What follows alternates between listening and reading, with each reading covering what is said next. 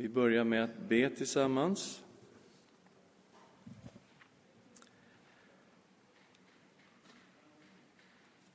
Tack Herre att vi får komma till dig precis som vi är.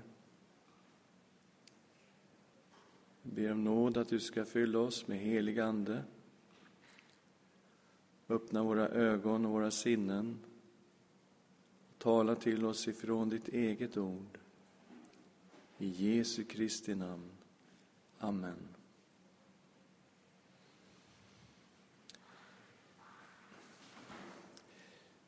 Ja, vi eh,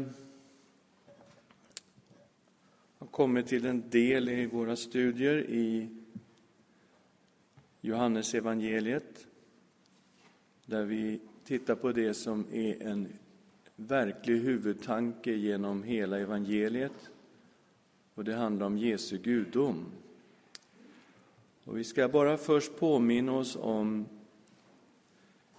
eh, det som är huvudtemat, nyckelverserna för Johannes evangeliet. Man kan säga att man får en tolkningsnyckel gratis. I kapitel 20, vers 30 och 31. Många andra tecken som inte är nedskrivna i denna bok gjorde Jesus i sina lärjungars åsyn. Men dessa har blivit nedskrivna för att ni ska tro att Jesus är Messias, Guds son, för att ni genom tron ska ha liv i hans namn. Så vad är innebörden i detta att Jesus är Messias, Guds son? Det är det som vi håller på att arbeta med. Och vi har nu kommit till en mycket intressant innebörd då, Jesu gudom, som framställs så starkt i Johannesevangeliet.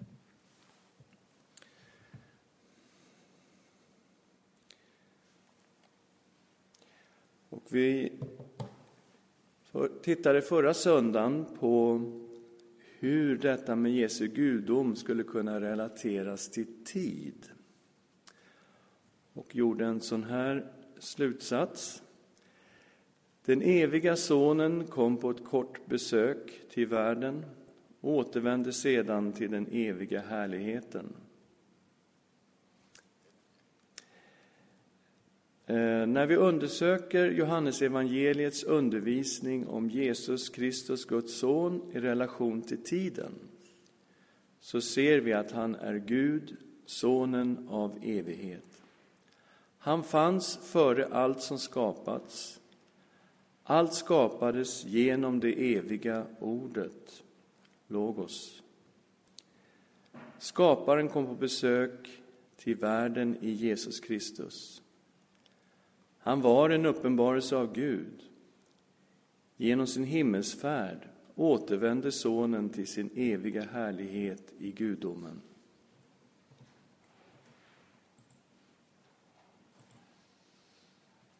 Och vi hade denna lilla skiss framför oss.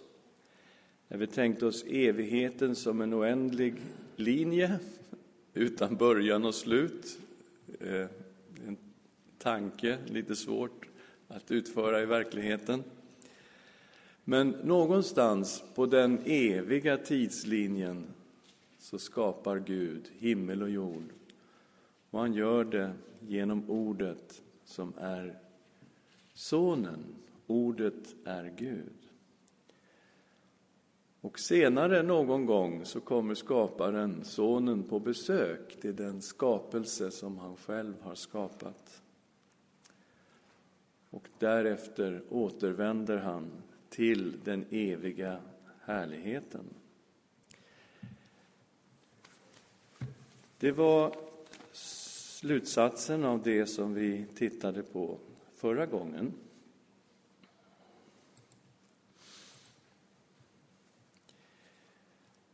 Och eh, vi ska nu fortsätta och jobba mer då med Jesus titlar och egenskaper i Johannesevangeliet. Han gör ju många anspråk och han får titlar som enbart tillhör Gud. Och det första vi ska titta då, det är ju hur Johannesevangeliet bara rakt på säger att Jesus är Gud. Eh, sen borde i och för sig all, all diskussion vara överflödig, men vi ska ändå jobba oss igenom evangeliet idag. Skriften lär att Gud är en och samtidigt treenig. Det eviga ordet Logos var Gud och hos Gud. Kapitel 1, vers 1 och 2. I begynnelsen var Ordet, och Ordet var hos Gud, och Ordet var Gud. Mm. Han var i begynnelsen hos Gud. Okej, okay. vi påpekade det också förra gången. Ordet var Gud, samtidigt hos Gud.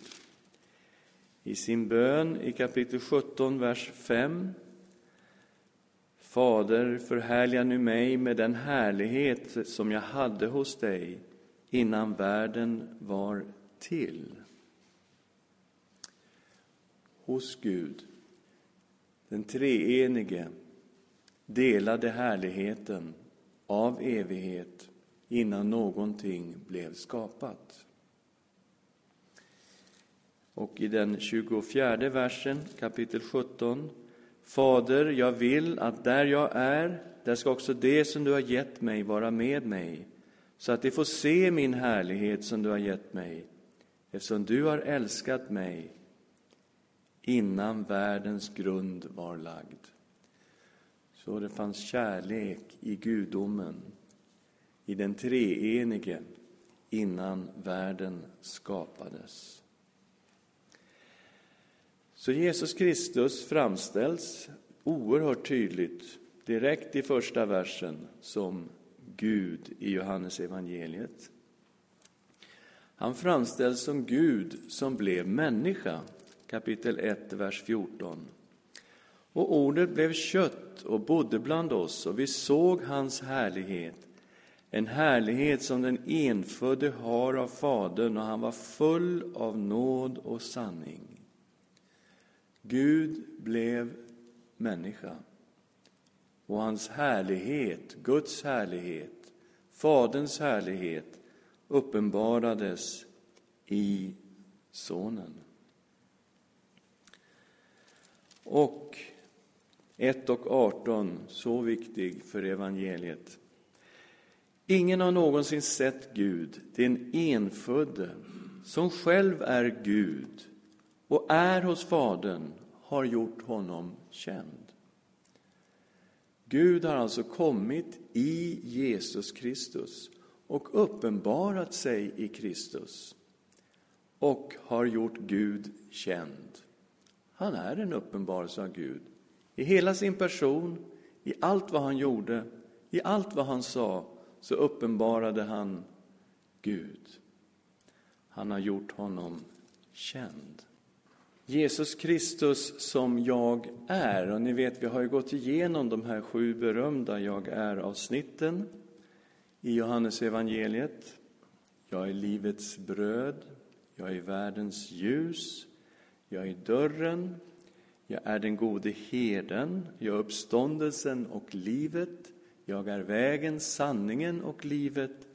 Jag är den sanna vinstocken. Men utöver dessa så har vi alltså ett antal ställen i Johannesevangeliet där Jesus bara säger det heliga gudsnamnet eller innebörden i det heliga gudsnamnet. Jag är. Och vi ska titta på några av de här ställena där jag är bara proklameras. På grekiska ego eimi, jag är.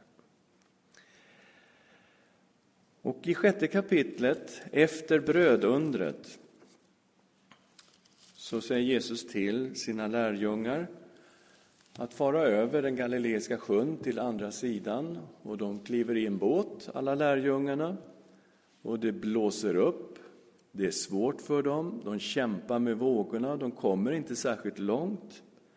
Och då kommer Jesus gående på vattnet kapitel 6, vers 18 till 20. Det blåste hårt och sjön började gå hög. När de hade kommit ungefär 25 eller 30 stadier ut fick de se Jesus komma gående på sjön och närma sig båten, och de blev förskräckta. Men han sa till dem, det är jag, var inte förskräckta. Det han säger är alltså, jag är, var inte förskräckta. Och vilken situation att göra en sån proklamation om sig själv. De är livrädda, de ser hur han kommer och går på vattnet, de vet inte vad de ska tänka.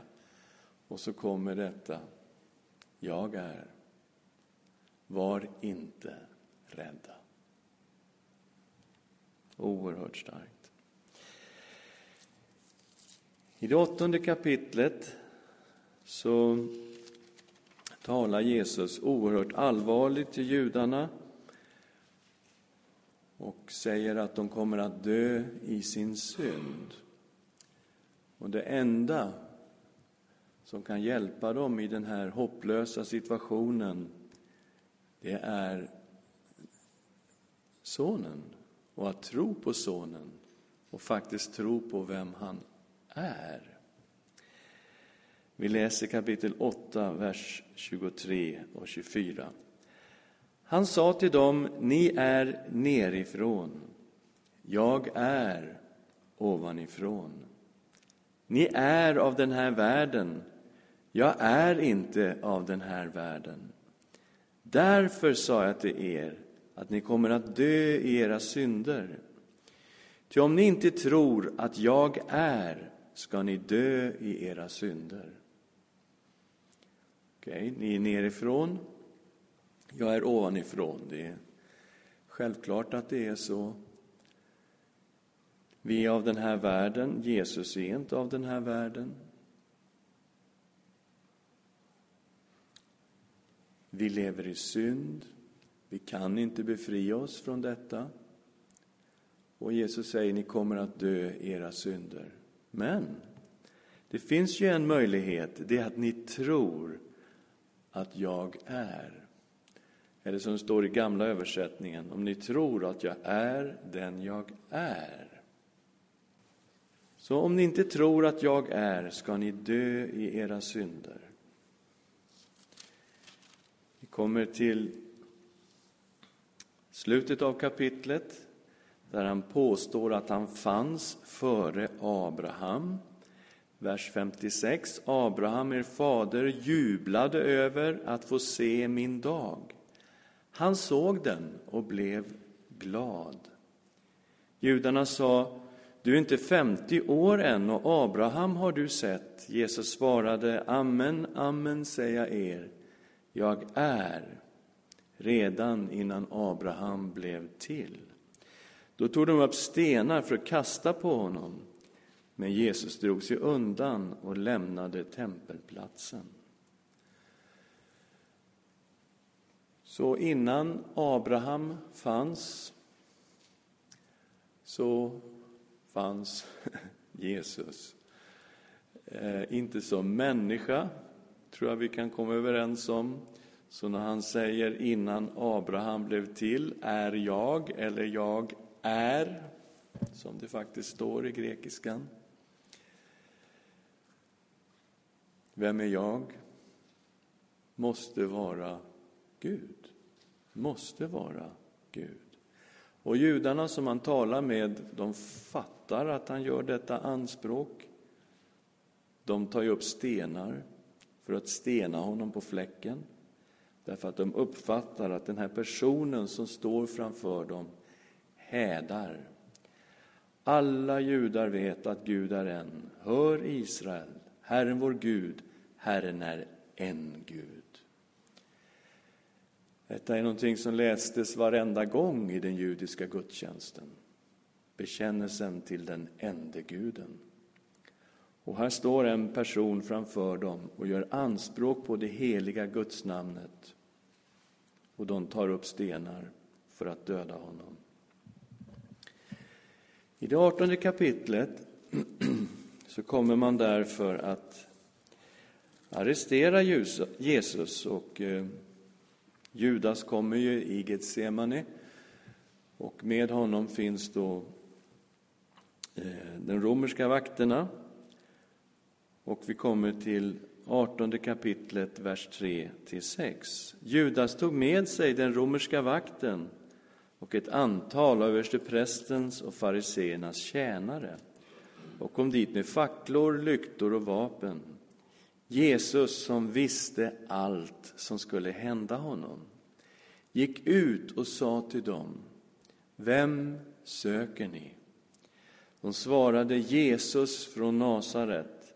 Han sa till dem, jag är. Bland dem stod också Judas, han som förrådde honom.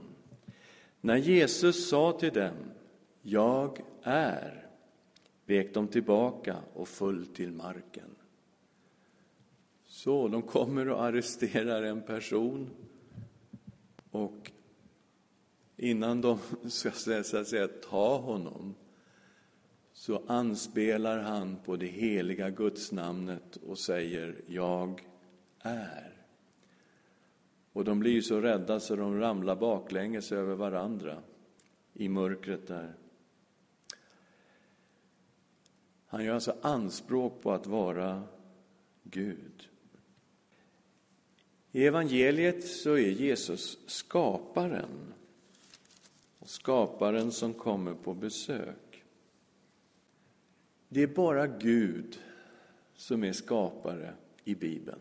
Det finns liksom ingen annan som skulle någonsin kunna göra anspråk på att vara skaparen utom Gud. Så är det i Bibeln. Och ändå framställs Sonen i Johannes evangeliet som skapare. Hela universum skapades genom Ordet. Vi läser igen vers 1 till 3, det första kapitlet. I begynnelsen var Ordet, och Ordet var hos Gud, och Ordet var Gud. Han var i begynnelsen hos Gud. Genom honom har allt blivit till, och utan honom har inget blivit till som är till. Det vill säga, precis allting som existerar har skapats genom Ordet, genom Sonen. Och skaparen kom alltså på besök, 1 och 9. Det sanna ljuset som ger ljus åt alla människor skulle nu komma till världen. Han var i världen och världen hade blivit till genom honom och världen kände honom inte. Han kom till sitt eget och hans egna tog inte emot honom. Så det sanna ljuset, Jesus Kristus, skulle komma till världen. Sonen skulle komma till världen. Och världen hade ju blivit till genom honom. Han kom till det som var hans. Det var hans eget. Varför då? På vilket sätt? Ja, han hade gjort det. Och därför var det hans. Världen hade ju blivit till genom honom. Skaparen hade alltså kommit på besök till den värld som han hade skapat. Och vi kan se det här på några ställen. I andra kapitlet så förvandlar Jesus vatten till vin. Det är det första tecken som det står om i Johannes evangeliet. Det första tecken som Jesus gjorde. Om vi kommer till sjätte versen.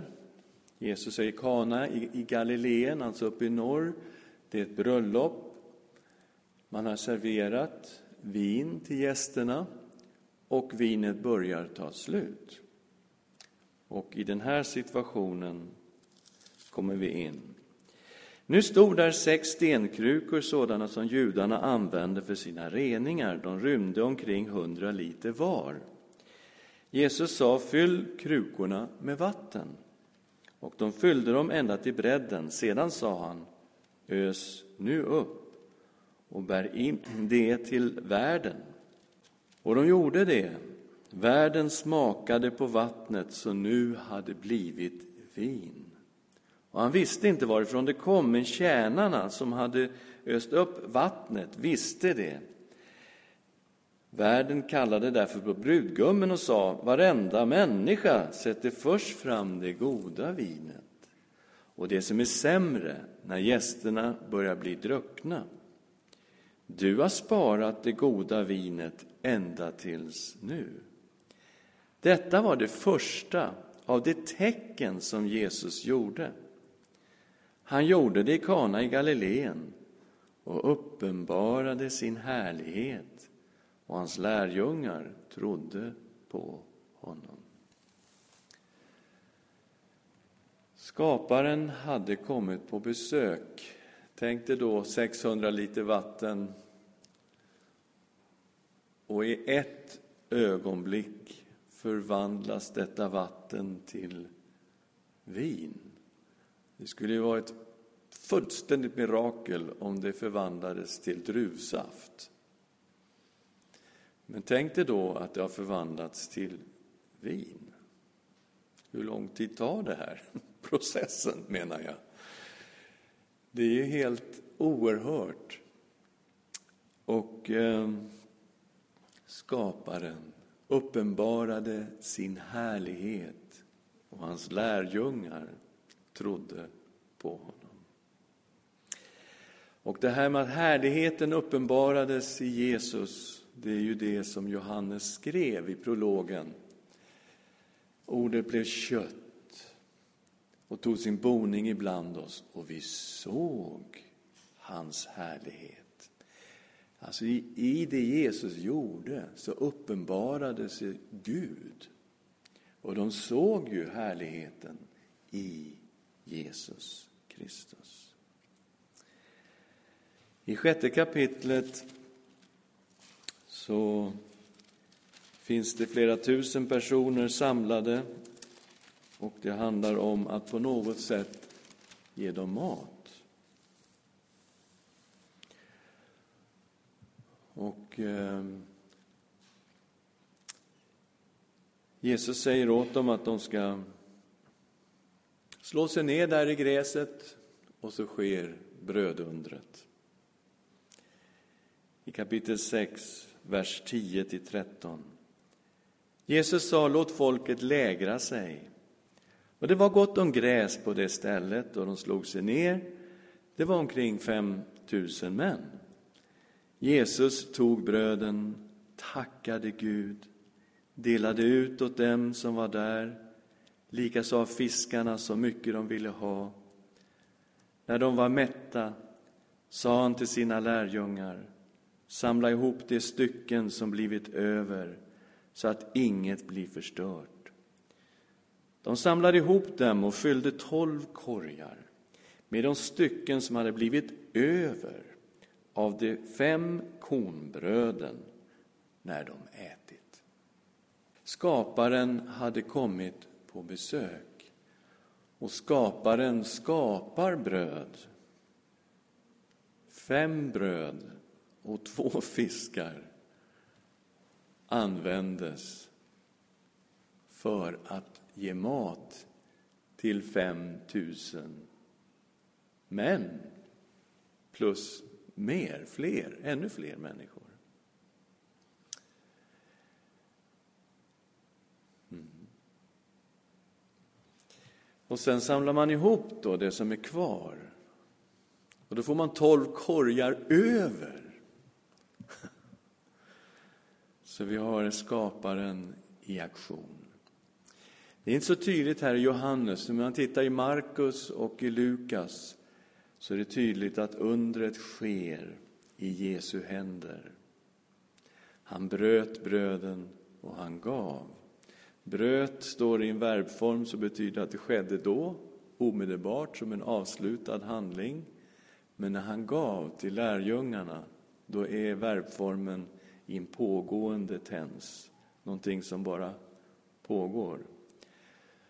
Så det tar aldrig slut där mellan Jesu händer. Han bara bryter och delar ut och delar ut och delar ut. Och det sker ett under här i skaparens händer. Bröden och fiskarna, så mycket de ville ha.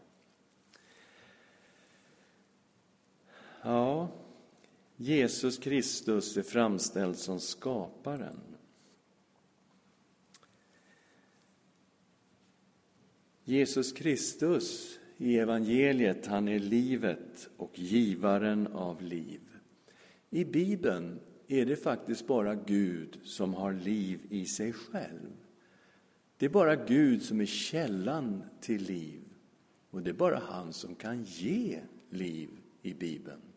Enbart Gud. Men i Johannes evangeliet så är det alltså Sonen som också har denna egenskap att vara liv i sig själv och att kunna ge liv.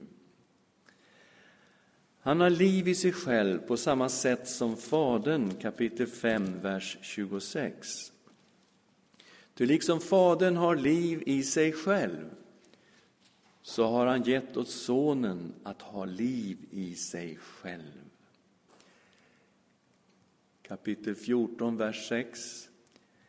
Jesus sa, jag är vägen, sanningen och livet. Ingen kommer till Fadern utom genom mig. Kapitel 11, vers 25 och 26. Jag är uppståndelsen och livet. Den som tror på mig ska leva om han än dör. Den som lever och tror på mig ska aldrig någonsin dö. Han är själva livet. Och han har liv i sig själv på samma sätt som Fadern har liv i sig själv. Detta är en egenskap som i Bibeln enbart kan innehas av Gud. Enbart Gud. Eftersom han är livet och har liv i sig själv så kan han också ge liv. Kapitel 5, vers 21. Ty liksom Fadern uppväcker de döda och ger dem liv, så ger Sonen liv åt vilka han vill.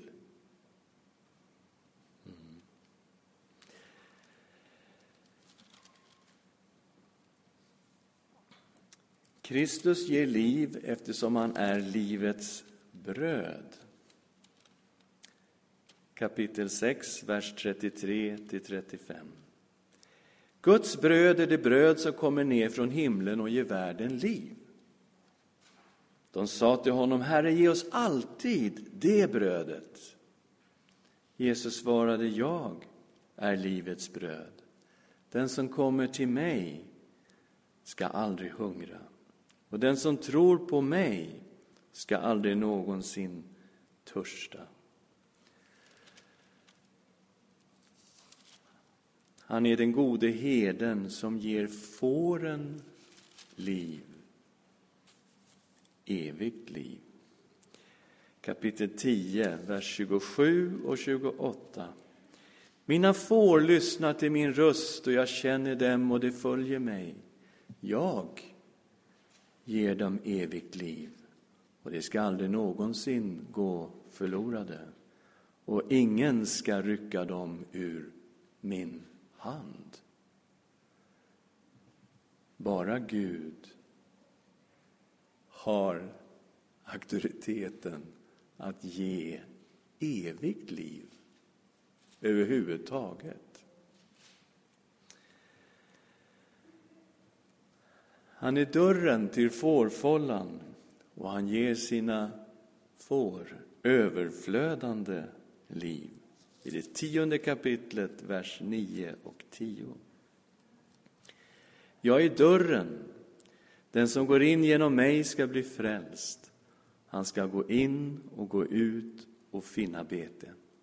Tjuven kommer bara för att stjäla, slakta och döda. Jag har kommit för att det ska ha liv, ja, liv i överflöd. Så han är livet i bestämd form. Han är uppståndelsen och livet. Han har liv i sig själv och han ger liv till vem han vill. Han ger evigt liv. Han ger ett överflödande liv. Bara Gud har en sådan egenskap. Jesus Kristus är givare av helig ande i Johannes evangeliet. Den heliga Ande är densamme som Guds ande. Bara Gud har makten att ge av sin ande till människor. Ändå är det både Fadern och Sonen som har denna makt i Johannes evangeliet. Andens uppgift är att vittna om Sonen. Att påminna lärjungarna om Sonens ord och förhärliga Sonen. Det är Andens uppgift. Fadern sänder Anden i Jesu namn. Kapitel 14, vers 26.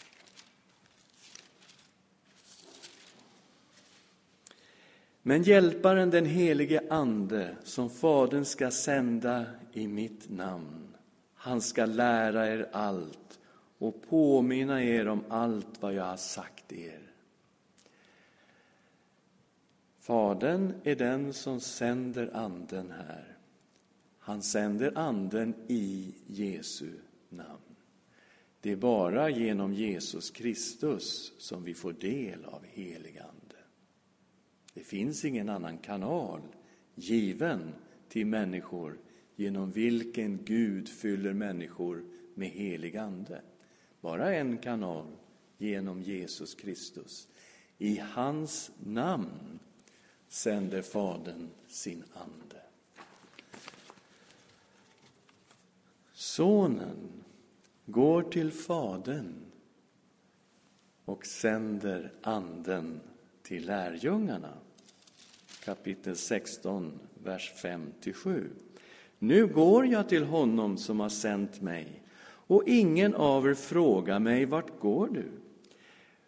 Men eftersom jag sagt er detta, era hjärtan fyllda av sorg. Men jag säger er sanningen, det är bäst för er att jag går bort. Ty om jag inte går bort kommer inte hjälparen till er, men när jag går bort ska jag sända honom till er. Sonen går till Fadern och han säger det är bäst för er. Ni kanske inte förstår det här att det är bättre för er att jag går till Fadern. För när jag går till Fadern, då ska jag sända Hjälparen, den helige Ande. Här är det Sonen som sänder Anden från Fadern. Och det är samma sak i det, förlåt, i femtonde kapitlet, vers 26. Hjälp, när Hjälparen kommer, som jag ska sända er från Fadern, sanningens ande som utgår från Fadern, då ska han vittna om mig. Anden utgår ur Fadern. Som vatten strömmar ur en källa, så flödar Guds ande ur Fadern. Dag och natt strömmar anden ur Fadern. Och Jesus säger, jag ska sända honom. Det är Sonen som sänder Anden som utgår ur Fadern och Anden vittnar om Sonen.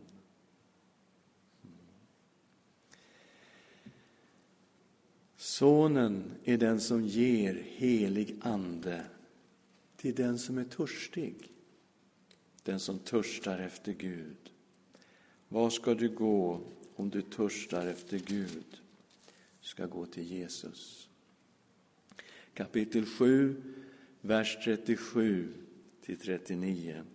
På den sista dagen, den största i högtiden, stod Jesus och ropade Om någon törstar, så kom till mig och drick. Den som tror på mig, ur hans innersta ska strömmar av levande vatten flyta fram, som skriften säger. Detta sa han om anden som de skulle få som trodde på honom. Ty anden hade ännu inte blivit utgjuten eftersom Jesus ännu inte hade blivit förhärligad. Den som törstar ska gå till Jesus. Och Jesus är den som ger levande vatten. Och när vi dricker av hans vatten så släcker inte bara vår törst, utan det blir någonting här inne. Strömmar av levande vatten. Jesus är givare av helig ande. Den helige Ande är alltså Guds ande. Bara Gud, bara Gud kan ha denna egenskap. Jesus Kristus är domare över levande och döda. Och tänk nu efter hur många gånger du läst i Bibeln att Gud ska döma världen. Och i Johannes evangeliet är det Sonen som har denna uppgift att döma över levande och döda. I femte kapitlets 22 vers. Inte heller dömer Fadern någon, utan hela domen har han överlämnat åt Sonen. Okay.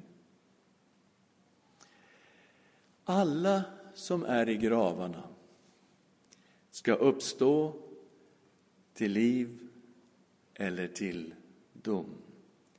Och det ska ske på Sonens befallning. Han som har makten att döma över levande och döda. Femte kapitlet, vers 28-29. Förvåna er inte över detta, ty den stund kommer då alla som är i gravarna ska höra hans röst och gå ut ur dem. Det som har gjort gott ska uppstå till liv och det som har gjort ont ska uppstå till dom. På Guds sons befallning ska alla människor ställas inför domen. All dom är överlåten åt Sonen. Och Sonen garanterar att han ska låta de troende uppstå på den yttersta dagen. Han som har denna makt, denna uppgift, denna auktoritet, han lovar att han ska låta den troende uppstå på den yttersta dagen. Kapitel 6, vers 38 till 40. Ty jag har inte kommit ner från himlen för att göra min vilja, utan hans vilja som har sänt mig. Och detta är hans vilja som har sänt mig, att jag inte ska förlora någon enda av alla dem som han har gett mig, utan att jag ska låta dem uppstå på den yttersta dagen. Ty detta är min faders vilja, att var och en som ser Sonen och tror på honom ska ha evigt liv och jag ska låta honom uppstå på den yttersta dagen. Ja, vem är det som har makt över liv och död? Vem är det som är domare över levande och döda? Ja, det är bara Gud i Bibeln, ingen annan. Och här är det alltså Sonen. Ja, då skulle man ju kunna förvänta sig detta, att Sonen är ett med Fadern. Gud är en. I Bibeln är han den treenige Guden. den ende guden, Fader, Son, helig Ande. Och Sonen gör alltså anspråk på att vara ett med Gud, ett med Fadern. I tionde kapitlet, vers 30 och 31.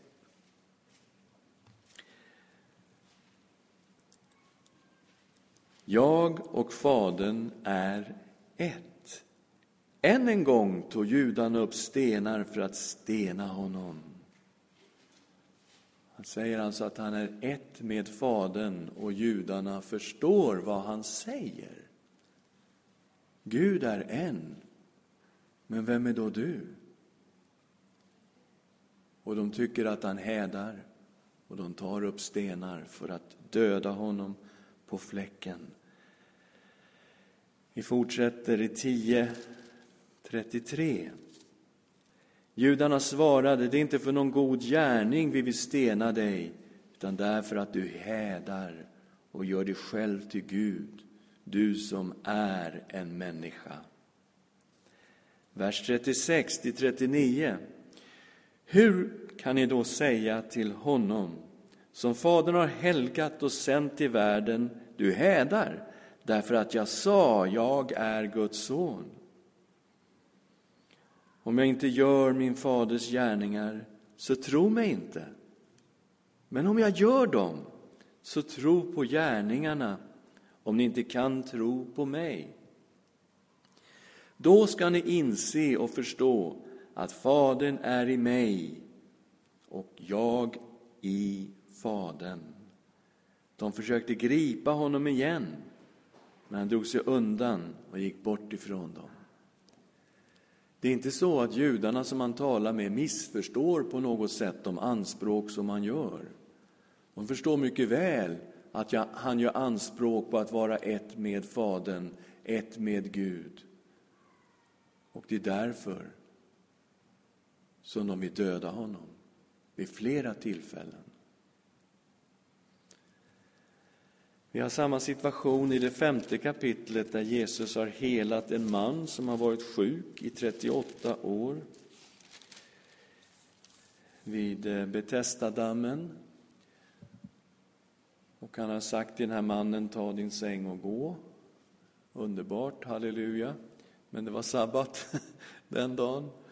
Så judarna blev ju väldigt snea på Jesus. Därför att undret skedde på sabbaten och han sagt till den här mannen att han skulle ta sin bädd och gå. Han fick ju inte bära på en säng på sabbaten. Kapitel 5, vers 17 och 18. Men han sa till dem, min fader verkar ännu denna stund, så verkar även jag. Då blev judarna ännu ivrigare att döda honom, eftersom han inte bara upphävde sabbaten, utan också sa att Gud var hans fader och gjorde sig själv lik Gud. Det var ju inte så att judarna missförstod Jesus. De förstod mycket väl vad han sa, att han gjorde anspråk på att vara en uppenbarelse av Gud själv.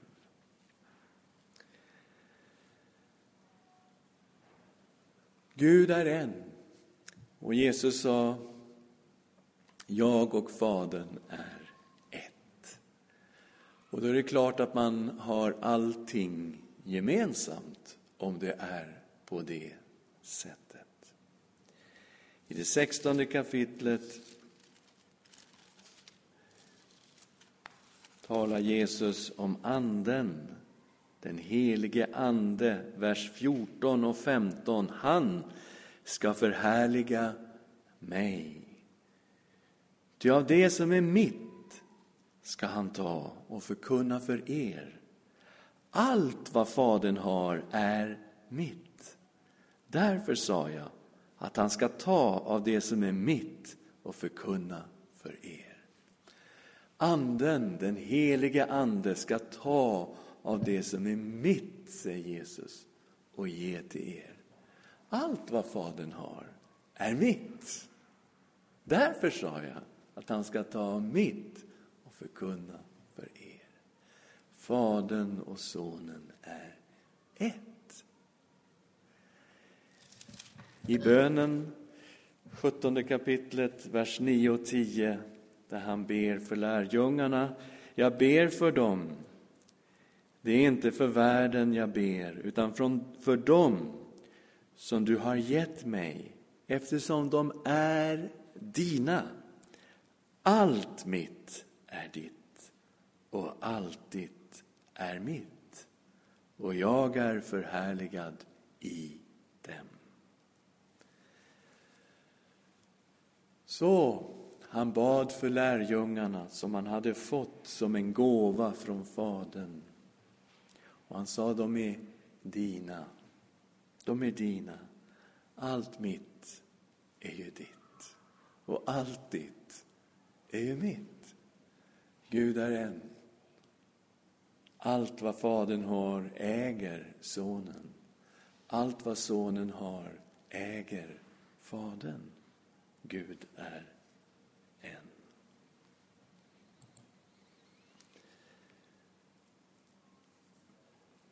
Gud uppenbarade sig i Jesus Kristus. Vi har redan läst kapitel 1, vers 14 om ordet som blev kött. Vi har läst vers 18 att han har gjort Gud känd. I tolfte kapitlet, vers 44. Jesus ropade, den som tror på mig, han tror inte bara på mig utan på honom som har sänt mig. Att tro på Sonen är detsamma som att tro på Fadern. Att tro på Gud.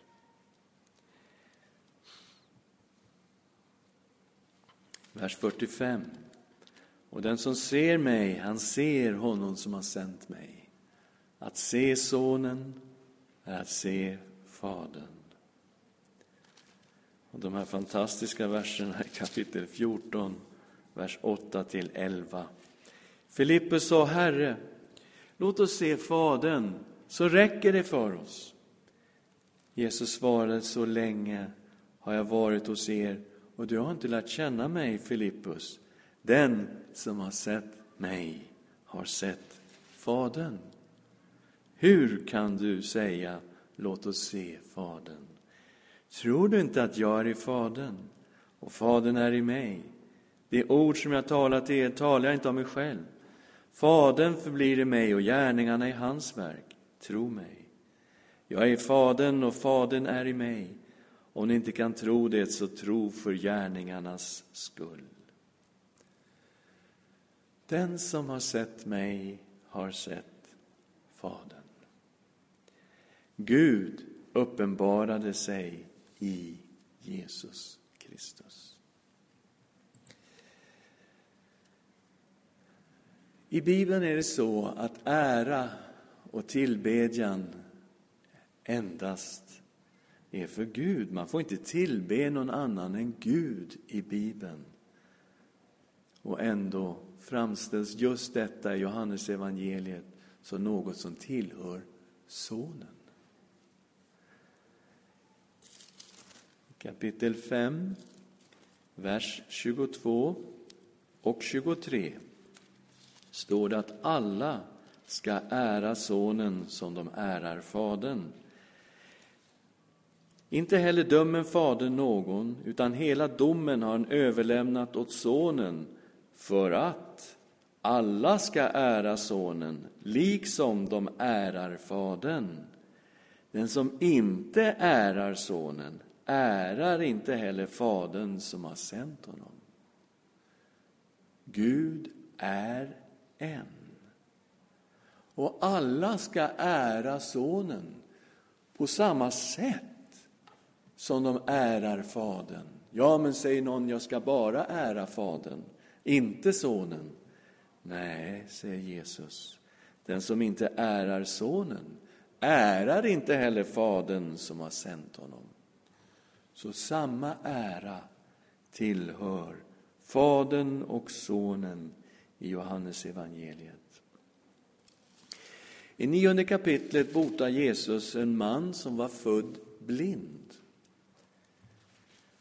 Och eh, han blev utslängd ifrån fariseerna och de skriftlärda. Och eh, vi läser om honom i kapitel 9, vers 35 till 38.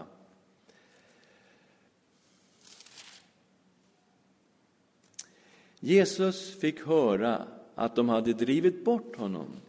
Och när han fann honom sa han, tror du på Människosonen? Han svarade, vem är han, Herre? Tala om det, så jag kan tro på honom. Jesus sa, du har sett honom. Den som talar med dig, han är det. Då sa mannen, jag tror, Herre, och han tillbad honom.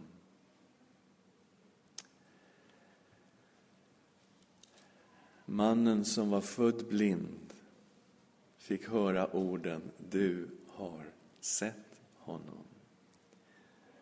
Det är han som talar med dig. Man faller ner inför Kristus i tillbedjan. En tillbedjan som bara tillhör Gud i skrifterna.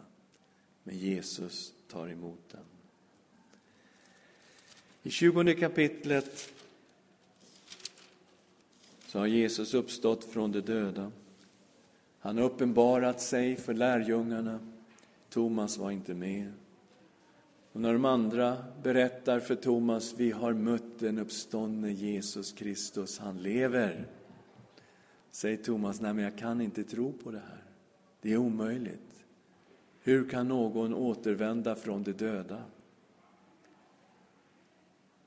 Och han säger, om jag inte får sätta fingret i hålen efter spikarna och sticka min hand i hans sida kan jag inte tro på honom. Och Jesus kommer en vecka senare och då är Thomas med. Och han talar direkt till Thomas och säger Thomas, ta hit ditt finger. Titta här i hålen efter spikarna. Sätt din hand i sidan på mig. Det var här de stack upp ett spjut. Tvivla inte, utan tro. Och så kommer Thomas respons. 20 kapitlet, vers 26 till 28. Thomas svarade honom, min Herre och min Gud. Jesus sa till honom, därför att du har sett mig tror du. Saliga är de som tror fastän de inte ser. Mm. Jag läste 28 och 29. Så Thomas kommer alltså med denna bekännelse som har varit den kristna kyrkans bekännelse i alla tider. Säger till Jesus, min Herre och min Gud. Så när vi undersöker Jesu namn, hans titlar, hans anspråk i Johannes evangeliet kan vi bara komma till samma slutsats som Thomas, nämligen att han är en uppenbarelse av Gud i sin person. Ska vi be tillsammans.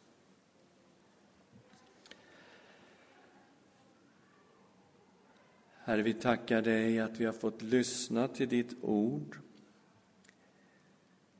Tackar dig, Herre, för att vi får ta emot ditt ord i våra hjärtan.